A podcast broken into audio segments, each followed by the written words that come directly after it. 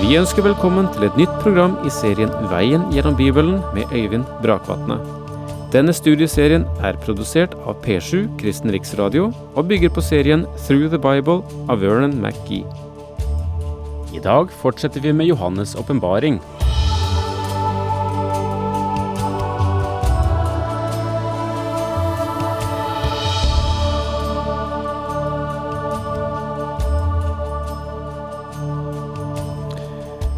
Vi befinner oss i eh, kapittel to i Johannes' åpenbaring, og eh, det er eh, brevet til menigheten i Tyatira vi har til behandling.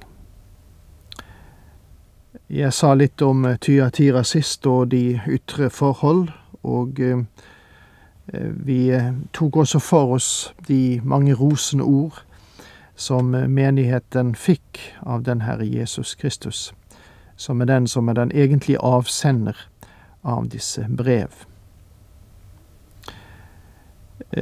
Det var seks gode egenskaper som Herren løftet frem, og det er alle sammen egenskaper som fødes frem i den troende ved Den hellige ånd, og det betyr at de hadde latt Guds ånd få fungere i menighetens liv og i den enkelte troende, men eh, ikke full råderett. For eh, Herren har også noe annet å si enn å rose dem for en eh, rekke forhold. Og vi går inn i det tyvende vers, der han sier følgende også om denne menighet. Men jeg har dette imot deg, at du har latt kvinnen Jesabel holde på, hun som kaller seg profet, men som med sin lære lokker mine tjenere til å drive hor og spise av Guds offer. Jesabel, sammenligningen her er sikkert med Jesabel som var Akabs make, hun som førte hedendom og umoral inn i Nordriket Israel. Og der, Det er nok tenkelig at uh, i denne lokale menigheten i Tyatira var det en kvinne som hadde eh, det samme renommé og hadde uh, den samme profil. Og angående den historiske perioden i den mørke tidsalder som menigheten i Tyatira representerer, ble hedensk praksis og avgudsdyrkelse blandet med kristne gjerninger og tilbedelse. Papismen, vil si pavemakten, ble løftet ut av sin religiøse sfære og fikk en veldig politisk makt under Gregor den første, og senere gjennom Gregor den syvende. Det sa jeg også sist, og la meg her få bare legge til at eh, Gregor den syvende er kanskje bedre kjent som Hildebrandt. Kirkelære og kirkelige ordninger erstattet den personlige tro på Jesus Kristus. Tilbedelsen av Maria og barnet og messen ble gjort til en vesentlig del i kirkens tjeneste. Skjærsilden ble på denne tid en positiv doktrine, og messe ble holdt for de døde. Mange merkverdige dokumenter kom i sirkulasjon for å gi makt og herrevelde til paven. Jeg Kanskje noe dristig når jeg sier at Jesabel drepte Nabot og forfulgte Guds profeter, og slik fungerte også inkvisisjonen i den romerske kirke i denne epoken. Ordet som er oversatt med lokker i dette verset, betyr et fundamentalt avvik fra sannheten. Jesabel står i skarp kontrast til Lydia, som kom fra Tyatira. Jesabel er bare en forløper for den frafalne kirke, noe vi vil se når vi kommer til åpenbaringen 17.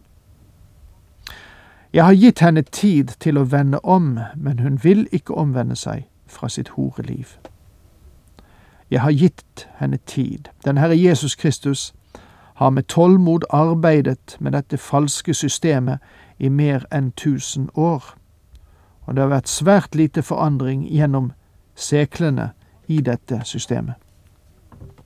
Faktisk skryter Rom av at den aldri forandres. Semper i dem er alltid den samme. Se, nå kaster jeg henne på sykeseng, og de som driver ekteskapsbrudd med henne skal komme i stor nød, dersom de ikke vender om fra hennes gjerninger. Stor nød henviser til de store prøvelsene som en frafallen kirke vil gå inn i. Og igjen manes det til omvendelse for menigheten. Og barnet hennes vil jeg la døden rykke bort. Slik skal alle menighetene få erfare at jeg er den som gransker nyrer og hjerter, og som gjengjelder enhver av dere etter det han har gjort. Barna hennes, det er dem som ble fostret opp under dette systemet. Vil la døden rykke bort? I dette tilfellet tenkes vel nærmest på den annen død som et uttrykk som er brukt tidligere. Alle menighetene må også henvise til menighetene gjennom alle tider, og ikke bare den lokale menigheten det her er snakk om, eller den tidsepoke denne menigheten eventuelt i historien skulle dekke. Nyrer betyr bokstavelig talt nyrene og henviser til hele den psykologiske sammenheng, tanker, følelse og målsettinger. Når det sies at han gransker nyrer og hjerte, betyr det at han gransker alt ved oss og tar hensyn til alle forhold. Men dere andre i Tyatira, alle som ikke følger denne lære og ikke har kjent Satans dybder, som de kaller det, til dere vil jeg si, jeg legger ikke noen ny byrde på dere. Fra historien vet vi at menigheten i Tyatira hadde en kort eksistens, fordi den gikk til grunne sammen med byen da den ble erobret og utslettet av fiender. Satans dybder henviser kanskje til en gnostisk sekt kjent som ofittene, som tilba slangen. De latterliggjorde og laget parodi på de ord Paulus hadde uttalt og skrevet. Alt kjetteri skryter av en overordnet åndelig mottaksevne, og det var nettopp det denne gruppen gjorde. Hold bare fast på det dere har, inntil jeg kommer. Her synes det å være antydet at Kristus begynner å si til sin menighet, jeg kommer for å hente dere, og på grunn av det så må dere stå fast i meg.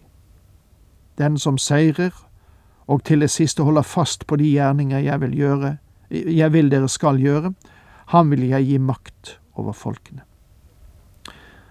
Kristi gjerninger står her i kontrast til Jesabels gjerninger. Kristi gjerninger skjer ved Den hellige ånd. Vi overvinner gjennom tro og ikke gjennom anstrengelse. Makt over folkene blir forklart av Paulus når han skriver til de troende i Korint, vet dere ikke at de hellige skal dømme verden, som det står i første Korintiabrev 6 vers 2. Med jernstav skal han styre dem, og som leirkar skal de knuses. Ja, dette henviser til Kristi herredømme som de troende vil ha sin del i. Den samme makt har jeg fått av min far, og jeg vil gi ham morgenstjernen. Kristus er den skinnende morgenstjerne, som det står i Åpenbaringen 22 vers 16. Kristi kommer for å hente sine egne ved bortrykkelsen av menighetens håp. Mens vi venter på at vårt håp skal få sin salige oppfyllelse, og at vår store Gud og Frelser Kristus Jesus skal komme til syne i herligheten. Slik står det i brevet til Titus, kapittel 2, vers 13. Den som har ører, hør hva Ånden sier til menighetene. Jesabels barn vil ikke høre, men Jesu Kristi sanne barn vil høre, for Den hellige ånd gjør dem åpne for ordets og Kristi tale. Ja, da er vi faktisk kommet til slutten av kapittel to og vi springer videre i de brevene som følger i kapittel tre. Det første vi møter der, det er brevet til menigheten i Sardes. I dette panorama av kirkehistorie, om vi nå følger tråden som vi har tatt opp fra begynnelsen, så ville Sardes representere protestantismen i perioden mellom ca. 1517 og frem til ca. 1800. Jeg tror vi kan begynne med Martin Luther, som slo opp de 95 tesene på kirkedøren i Wittenberg.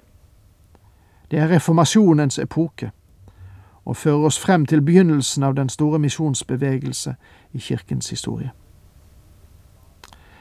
Sardes var hovedstad i kongedømmet Lydia, og en av de eldste og viktigste byene i Lilleasia. Den lå inne i landet og bygget på et smalt platå høyt over Hermusdalen. Tre sider av byen var omgitt av høye klippevegger som steg nesten loddret, og byen var omtrent uinntagelig. Den eneste adgang finner du på sydsiden via en bratt og smal vei. Etter hvert som sivilisasjonen og handelsvirksomheten utvidet seg og utviklet seg, så ble dette platået for lite, og en ny by reiste seg lavere nede vest for den opprinnelige byen. Den gamle byen ble brukt som et akropolis, et gudefjell.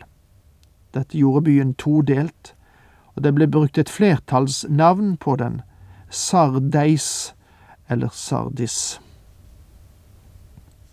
Selve slettene omkring var svært fruktbare ved at elven Paktolus ga vann til jordbruksområdene. Denne byen ble sentrum for teppeindustrien og var kjent for sin rikdom. Mynter ble først preget der. Den siste regenten over byen var den styrtrike Krøsus, som ble tatt til fange av Kyros. Han ble ansett eh, som den rikeste mann i verden, og alt han rørte ved, synes å bli til gull.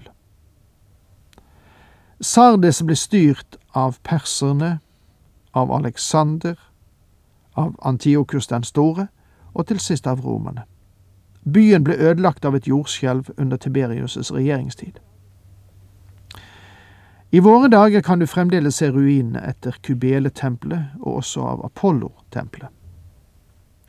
Det er et av de få tvillingtemplene du kan finne i verden. Kubele var kjent som Diana i Efesos, men når denne avgudstilbedelsen bredte seg inn over i landet, ble hun en naturgudinne. Hun var månens gudinne, og Apollo var solens gud, og de var bror og søster. Dette utviklet seg til en svært korrupt religion, svært lik tilbedelsen av Diana i Efesos. Det har vært gjort ganske store utgravninger i Sardes. De prøver å restaurere idrettsanlegget og også synagogen. De har avdekket den romerske veien som finnes her, og her har Paulus vandret opp og ned flere ganger. Skriv til engelen for menigheten i Sardes, dette sier han som har de sju Guds ånder og de sju stjerner. Jeg vet om dine gjerninger.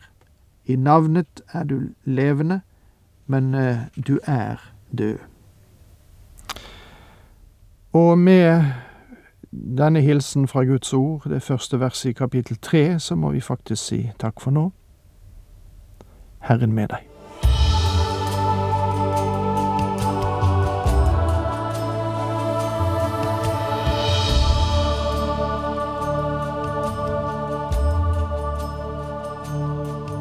Du hørte Øyvind Brakvatne i studieserien Veien gjennom Bibelen.